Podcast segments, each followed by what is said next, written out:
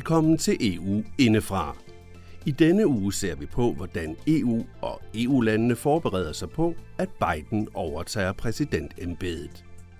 Relationerne mellem EU og USA ligger nemlig mildest talt i ruiner. Vi tager dig med en tur igennem de diplomatiske katastrofer, som er helt uset før Donald Trump blev præsident.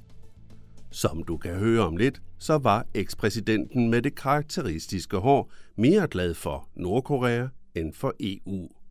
Han stolede også mere på Putin end på de europæiske allierede, eller sin egen atomare sikkerhedstjeneste for den sags skyld.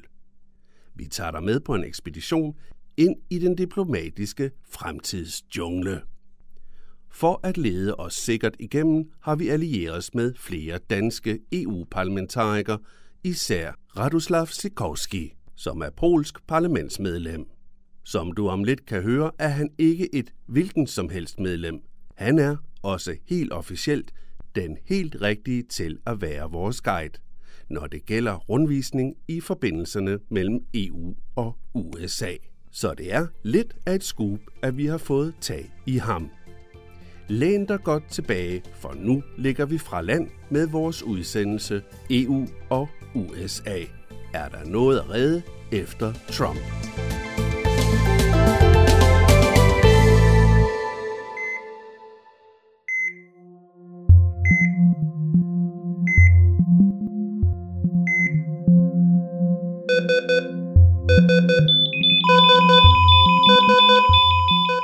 Hvis det her var historien om en patient, så er det på højeste tid med en genoplevningsproces.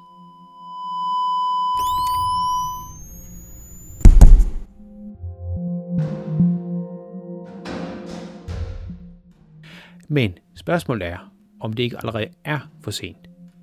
Det er langt fra sikkert, at patienten overlever. Hvis han gør, så er der nok ikke ugen varige skader. Men lad os begynde et andet sted end på et sygehus. Donald Trump tabte valget, og nu skal Joe Biden overtage præsidentembedet. Lykønskninger er strømmet ind til den nye præsident. Fra almindelige mennesker, men også fra virksomheder, organisationer og en lang række landelæger. Nu kan det, som du siden skal høre, bestemt ikke udelukkes, at mange landene er lette over, at Donald Trump bliver afløst men normalt så er de lykkeønskninger ikke noget personligt, men en del af det diplomatiske spil. Et større diplomatisk apparat indstiller nemlig nu sigtet på en ny præsident. Nye aftaler skal knyttes, personlige forbindelser mellem landene skal genoprettes og oprettes. Netop de er vigtige, fordi tillid er selve fundamentet på alle forbindelser.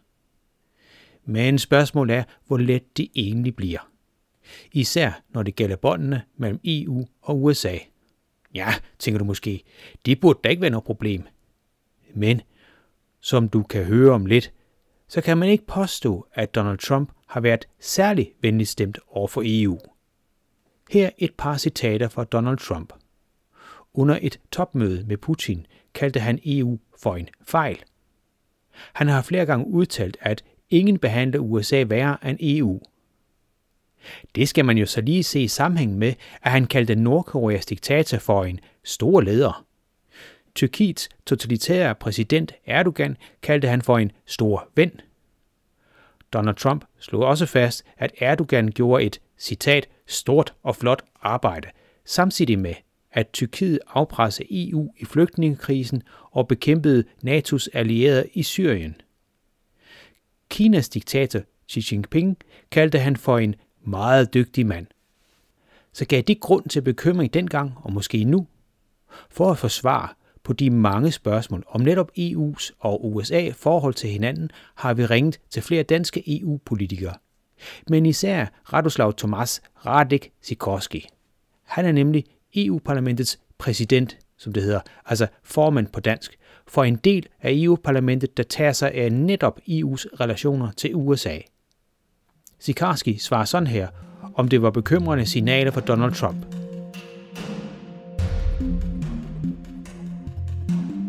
Well, of course they are.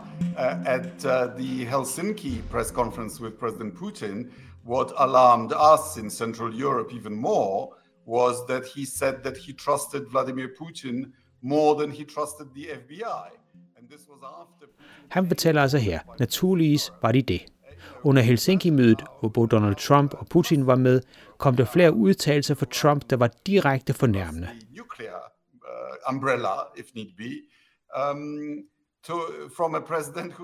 Men hvad der bekymrer os fra det centrale Europa endnu mere var, at Donald Trump udtalte, at han stole mere på Putin, end han stole på de vestlige spion- og sikkerhedstjenester, der skal beskytte den vestlige verden. Og det var lige efter Putin annekterede Krimhaløen. Sikorski fortsætter med et retorisk spørgsmål. Kan du forestille dig, hvor meget tillid vi havde bagefter til, at USA ville forsyne os med atomparaplyen, hvis vi havde brug for den? Atomparaplyen er altså det missilsystem, som skal beskytte den vestlige verden imod et atomangreb ved at skyde raketterne ned, inden de når deres mål i Europa, for eksempel. Sikorski fastslår, at det har været en diplomatisk katastrofe med Trump. No, this has been a, a, a diplomatic disaster. I just look at the results of, of, of, the diplomacy with Kim Jong Un. And somehow Iran hasn't caved to President Trump. Prøv bare at se på resultaterne, siger han, af hans diplomati med Nordkorea. Og det er heller ikke for godt, hvis vi ser på Iran. Det forklarer sig EU-parlamentets formand for relationerne mellem EU og USA. Han ser i hvert fald frem til mere normale forhold under Joe Biden, som er en mere erfaren statsmand, og måske, og kun måske, vil kunne hele mange af de nu ødelagte forhold. Think, um, Joe Biden, who is a, an, an experienced uh, statesman, uh, will start mending uh, many of those frayed relations.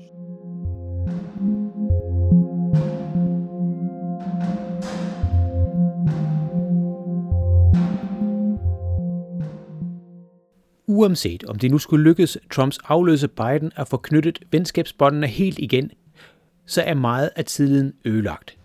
Måske endda for altid. Det er ikke bare politikere og forsvarsfolk, der pludselig har opdaget, hvor sårbare vi alle er, hvis Europa stoler for meget for hjælp fra USA. I læsebrev og på kommentarer på de sociale medier flyder det over med opfordringer til, at EU og Europa i højere grad skal kunne stå på sine egne ben. Også selvom Biden nu har vundet valget. For hvad følger efter ham? Måske endnu en præsident, der ikke mener, at NATO, FN osv. er værd at engagere sig i? Bare fordi Trump tabte valget, er hans idéer jo stadig lyslevende. Og han har stadig mange tilhængere. I Europaparlamentet har emnet været diskuteret igen og igen, og opfordringen er klar. EU skal i højere grad kunne klare sig selv, også når det gælder forsvaret af egne grænser. Men spørger man det danske forsvars egne folk, som vi har gjort, så har den idé ingen gang på jorden, og vi gentager ingen. Det er NATO, der er garant for vores sikkerhed, og NATO uden USA er nærmest bare utænkeligt. Det kan du i øvrigt blandt andet høre mere om i vores podcastserie, som bare hedder Forsvarspodcasten. Men tilbage til historien. Ikke mindst nu, hvor Storbritannien har forladt EU. Ja, det har de faktisk teknisk set, så mangler et eventuelt europæisk forsvarsstyrken til, ja, hvad som helst uden Storbritannien. Netop Brexit blev Trump understøttet kraftigt, hvor den nu tidligere præsident støttede Brexit-populisten Nigel Farage. Et Brexit, som det ser ud nu, kan dog true forholdene mellem Nordirland og Irland. Fredsslutningen mellem de to nordirske militære dødsfjender på den ene side og Storbritannien på den anden var nemlig betinget af, at der ikke skal være nogen former for grænsekontrol mellem Nordirland og Irland. Irland har dog på ingen måde meldt sig ud af EU, tværtimod. Nordirland derimod hører med under Brexit, og konsekvensen bliver derfor, at der skal genindføres grænsekontrol. Noget, der altså var en betingelse for den skrøbelige fred mellem parterne. Biden har allerede adskillige gange udtalt sig om, at Brexit ikke må true den fred, der nu delvist hersker i Nordirland. Så betyder det så, at Biden vil stikke en kæp i hjul på Brexit-forhandlingerne? Eller har det en negativ effekt på bruget mellem Storbritannien og EU?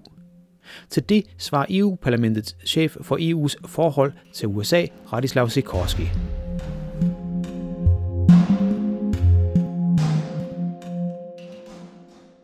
It shouldn't be because what President Biden is is simply saying is that Han siger, det burde det ikke have. Hvad Biden siger er, at man skal fortsætte Brexit-forhandlingen på sådan en måde, at der ikke behøves at drages nogen grænser. And, uh, and, and, and, and the non-existence of a physical uh, border across the island can be. Rent teknisk kan det godt lade sig gøre, hvis Storbritannien fortsætter med at være en del af det indre marked og opfylder EU's betingelser nogenlunde, som f.eks. Norge gør. Men Storbritannien har hidtil afvist, som du i øvrigt kan høre i et af vores tidligere udsendelser. Men Sikorski fortsætter med at forklare, at Storbritannien nu står i den mærkelige situation, efter at have forladt EU, at Irland har mere indflydelse i EU end dem. Det ser endda ud til, at Irlands indflydelse også er større i forhold til USA, vurderer Sikorski. uh, has more influence in Brussels now, and it looks like it has more, more influence in Washington too.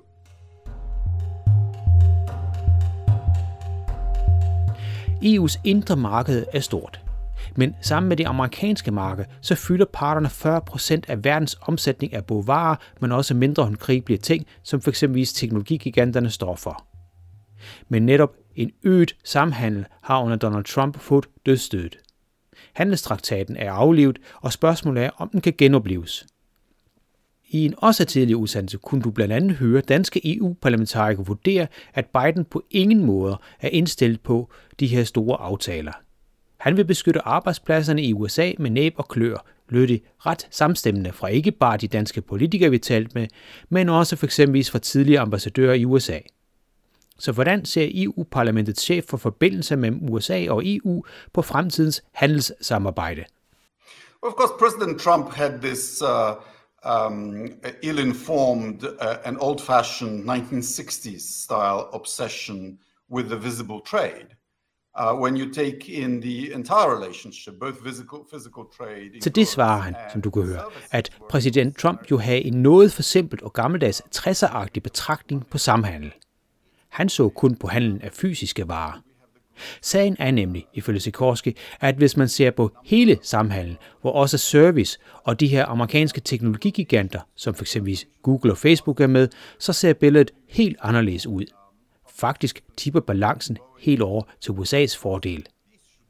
Dertil kommer, at der pt. er rekordstore investeringer på tværs af Atlanten. Altså f.eks. amerikanske firmaer, der har investeret i europæiske eller omvendt. Så der burde være god grobund for at udvide samarbejde.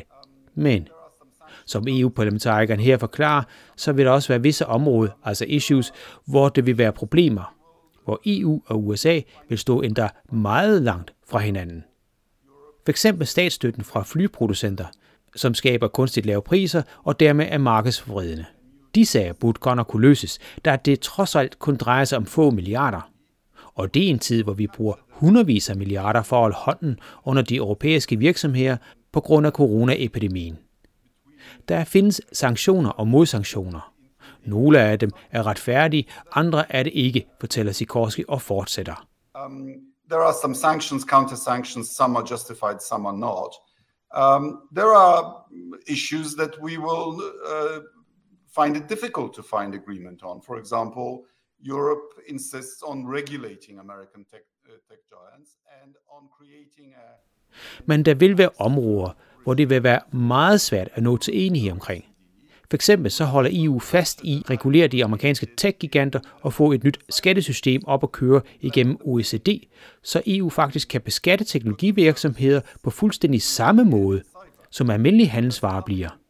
Uagtet uenigheden, så er den del på vej, forklarer han, men fastslår samtidig, at begge parter har jo store fælles interesser. Her nævner Sikorski problemerne med Kina. but uh, but we also have huge interests in common um, to do with uh, our joint problems and concerns about uh, about China. Netop Kina yder nemlig massiv statsstøtte til egne virksomheder, som er en del af forklaringen på, hvorfor kinesiske varer er så billige. Men ikke kun når det gælder samhandel og økonomi, bør EU kunne nå en vis fælles platform. Det gælder også andre områder, som f.eks. de mere sikkerhedspolitiske agendaer.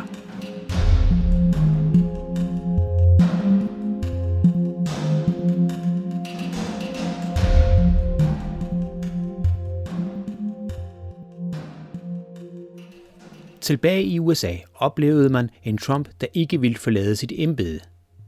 Han er den dag i dag ikke meget for at slippe magten. Det gør dog ikke ret meget af det store diplomatiske maskineri, der allerede nu indstiller sig på en ny og meget anderledes præsident i 2021. Mange har undret sig over, hvordan Donald Trump bare kunne nægte at anerkende sit nederlag. The other party, the Democratic Party, Men i Sikorskis øjne er det helt naturligt. Han har jo løjet hver dag igennem hele sit præsidentembede. Well, President Trump has been lying every day for the last four years, so nothing new. The Democratic Party rigged the nomination to give it to Hillary Clinton, thus giving. Men det er ikke den eneste grund, ifølge Sikorski. For som man forklarer her, så er ekspræsidenten noget presset. Hans fremtid uden præsidentembede ser, ifølge ham, noget grum ud. Uden den immunitet, en præsident nyder, kan han nemlig retsforfølges. Ikke godt nyt for en person, der er anklaget for at have snydt voldsomt i skat. So yes, he will fight this tooth and nail. He will not concede, I don't think, uh, because the non-presidential future for him is grim. Men uanset hvor meget han har løjet, uanset hvor mange, lad os bare kalde dem, overraskende ting, Donald Trump har sagt igennem tiden, så havde han slet ikke noget dårligt valg. Tværtimod. Så han har masser af støtter. Med den store opbakning kan man sagtens forestille sig, at Trump vil bevare en stor indflydelse hos det republikanske parti, og dermed måske endda forpure mange af Bidens politiske idéer og planer. Også dem om forsoning. Så spørgsmålet er naturligvis, om vi nu også har set det sidste til ekspræsidenten. Om Trumpismen, som vi vil kalde den, vil dø ud. Så det siger Sikorski. Well, Trumpism is a global phenomenon. Uh, uh, uh, populism, um, political um, entrepreneurs uh, setting people against one another. Trumpisme er altså ifølge ham et globalt fænomen, også kaldt populisme. Populistiske politikere er ifølge ham taktiske entreprenører, der skaber splid ved at påstå, at komplekse problemer kan løses let. Samtidig kalder de modstanderne for forrædere, og det er der endnu værre. Vi har, ifølge Sikorski, det samme over hele Europa. Men han er også glad for, at det nu ser ud til ikke at virke mere. Det er noget af en udtalelse fra en mand, der på trods af sin tydelige Oxford-accent er polsk politiker, hvor det store nationalistiske og populistiske parti igen har vundet valget. Det skal have indskydes, at Sikorski på ingen måde støtter det parti. Han selv har været minister for den tidligere og langt mere EU-venlige regering, der regerede forud nuværende parti. Her havde han poster som både forsvars- og udenrigsminister. Men nu er han altså EU-parlamentariker, hvor han har posten som formand for Delegations for American Affairs. Han har desuden arbejdet som journalist for store kendte britiske medier, som The Observer, og har arbejdet som krigskorrespondent i Afghanistan. Uddannet på et af verdens fineste universiteter, nemlig Oxford. Her ville mange amerikanere nok protestere og hævde, at verdens fineste universitet er Harvard.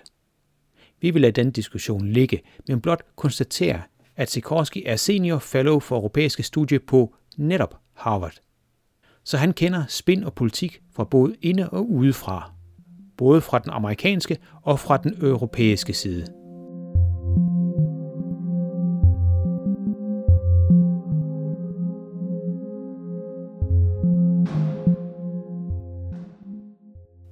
Politik er ofte blevet beskyldt for at være løgnernes kunst.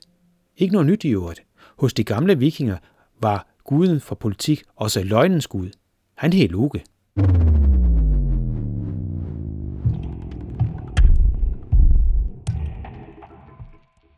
Om politikere nu skulle lyve og fordreje mere end almindelige mennesker uden for de bonede gulve, lader vi ligge. Men netop Trump har i en helt ekstrem grad vist, at man sagtens kan lyve konstant og så samtidig slippe afsted med det. Avisen Washington Post har dokumenteret over 25.000 usandheder og løgne. 25.000.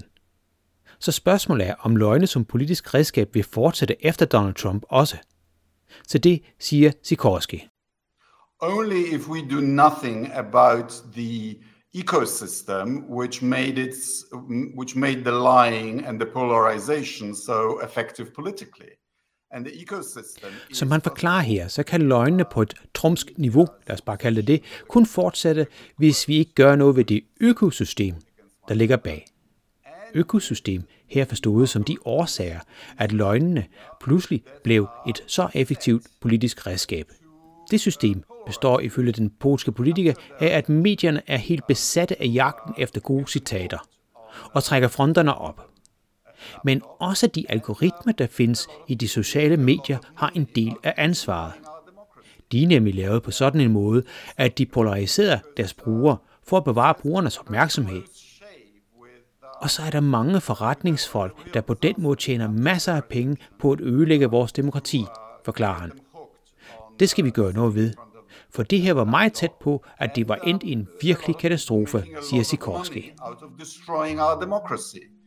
Uh, we need to do something about it because uh, this has been a very close shave with um, uh, with a with a real disaster.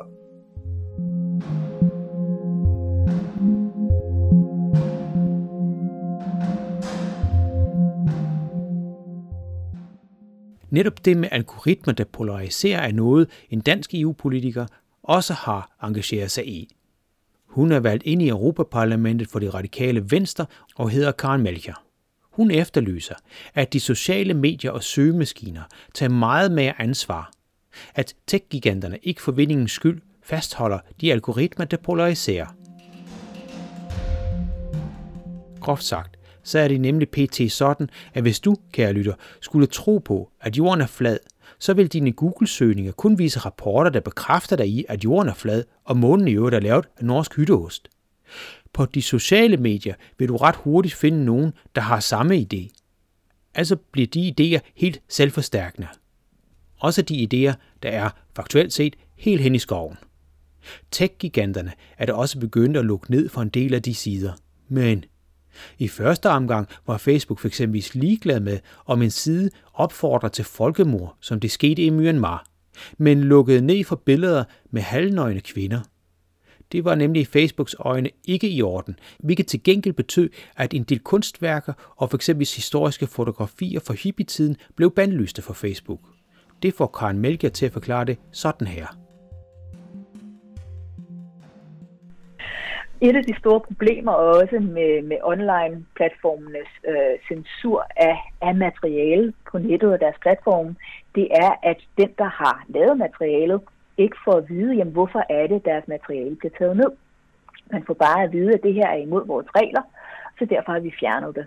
Der er ikke mulighed for at få at vide, jamen, hvilke kriterier er det, hvordan kan jeg klage, og hvem kan jeg tale med. Du møder bare en mur øh, med en e-mailadresse, og du får ikke noget svar tilbage. Når vi går ind og skal vurdere øh, det indhold, som er på platformene, så er det enormt vigtigt, at det foregår på en kvalificeret og nuanceret måde. Derfor skal det ikke være et automatiseret filter. Det skal heller ikke være øh, lavet af mennesker, som sidder i kontrolfabrikker og ikke har nogen viden om det indhold, som de reelt øh, sidder med mellem hænderne. Fordi så ender vi med at få censureret indhold, som ikke reelt er skadeligt, fordi at platformene ikke har investeret i at forstå, hvad det er øh, for indhold, der ligger på deres platform. Derfor er det enormt vigtigt for mig, at vi får stillet krav til platformene om at være åbne omkring deres processer, så man kan klage over, øh, hvis indhold bliver fjernet, og man ved, hvad reglerne er. Men også, at der er kvalificeret kontrol med indholdet. Så når der er et menneske indover, som ser på, øh, om det her er, er lovligt eller ulovligt indhold, at de så har de kompetencer og den tid til at gå ind og lave en reel øh, beslutning om det. Men er det overhovedet et problem, at øh, er der mange, der oplever det, at den her mur, hvor de får fjernet materialer? Det er der. Øh, vi har i Danmark her for inden for de sidste øh, par måneder øh, her i 2020 haft øh, dels en, en musikstjerne, øh, Faseline, som har fået fjernet indhold fra, fra Instagram omkring øh, covid-19, og har ikke kun, både hverken hende eller journalister har kunnet få at vide, jamen, hvorfor er det, at indholdet er blevet fjernet. Og så har vi haft øh, Danmarks Radio, som har lavet en app med deres børneprogram, som hedder Ramachan, som er blevet fjernet først fra Apple uh, App Store og også fra Googles Play Store, hvor uh, man bare har fået at vide, at den opfordrer til, at børnene skal begynde at ryge, fordi der fremgår en øh, lakridspibe i en spionafsnit. Og der har selv en så stor institution som DR haft svært ved at have en dialog med platformene. Og hvis det er svært for Danmarks Radio at have en dialog med platformene, jamen hvordan skal det så være muligt for en person, som har en, en podcast eller som laver programmer, som man gerne vil lægge op på YouTube? Og det er, øh, det er ødelæggende for øh, den demokratiske samtale på nettet.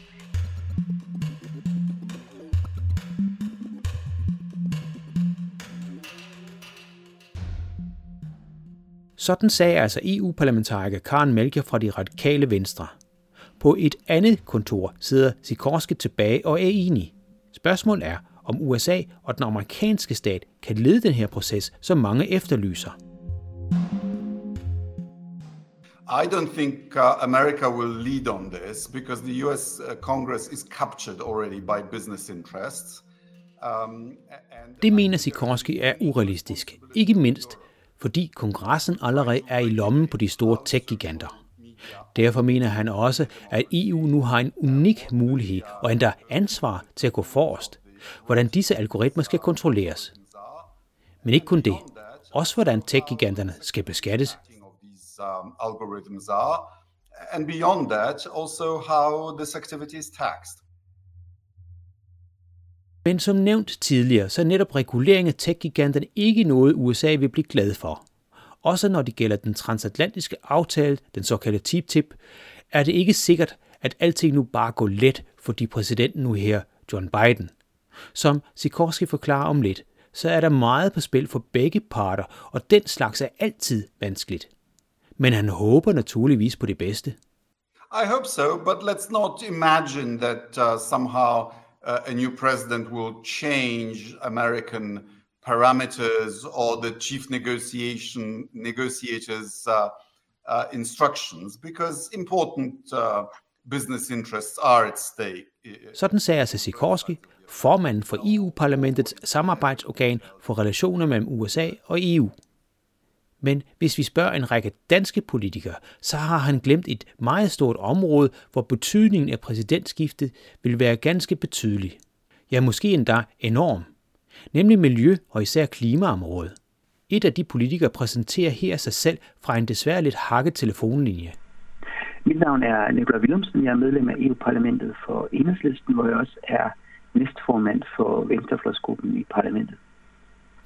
Nu har vi fået øh, en afløser til Donald Trump, nemlig Biden, og han lovede jo at sætte gang i Paris-aftalen, altså den her aftale om at reducere CO2.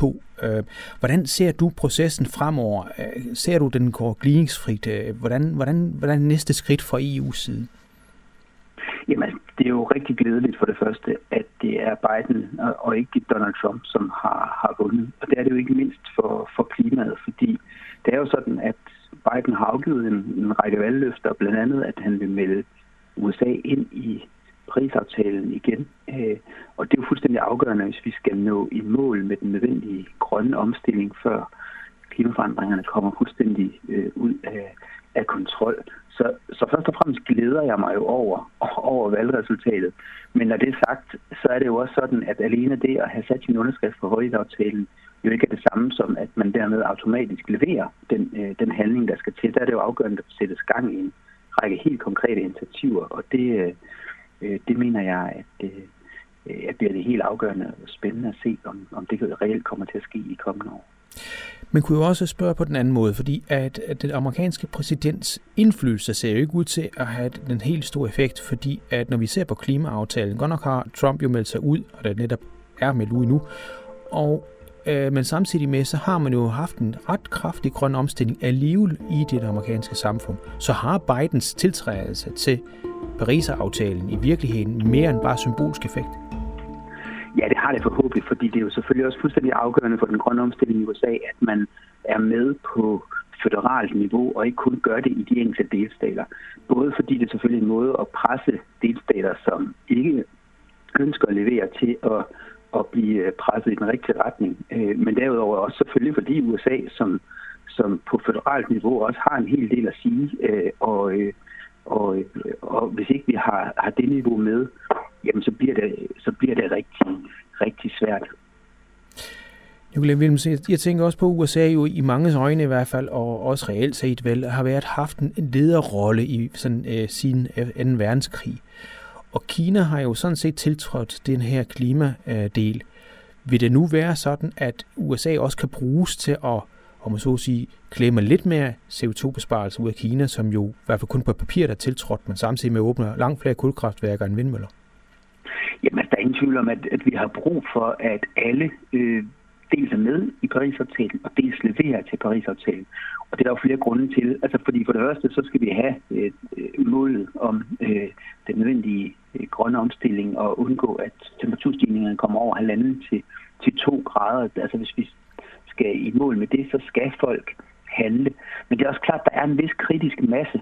Altså hvis det kun er ganske få steder på jorden, hvor man reelt handler på klimaforandringerne, så, øh, altså, så er der jo en fare for dels, at det ikke har den store effekt øh, i det samlede billede, men jo også, at man ikke får skabt den efterspørgsel for grøn energi, for øh, Øh, ny teknologi, der kan være med til at, at skabe den, den generelle forandring. Så jeg tænker, at det er vigtigt, at amerikanerne kommer med øh, i den grønne omstilling af to grunde. For det første, fordi vi har brug for, at et land så stort som USA reelt leverer, hvis vi skal nå i mål.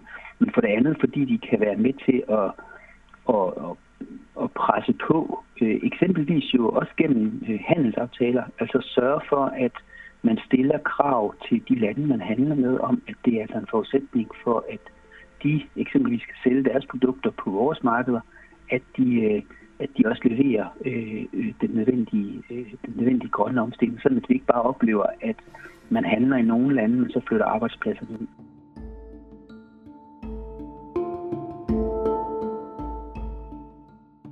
Sådan sagde altså Nikolaj Willumsen. Hvordan forhold mellem EU og USA vil spænde af, ja det vil kun tiden vise. Dog er der ingen tvivl om, at netop miljøorganisationer har lavet ja måske ikke champagnepropperne springe, men så måske korken på den økologiske æblemost.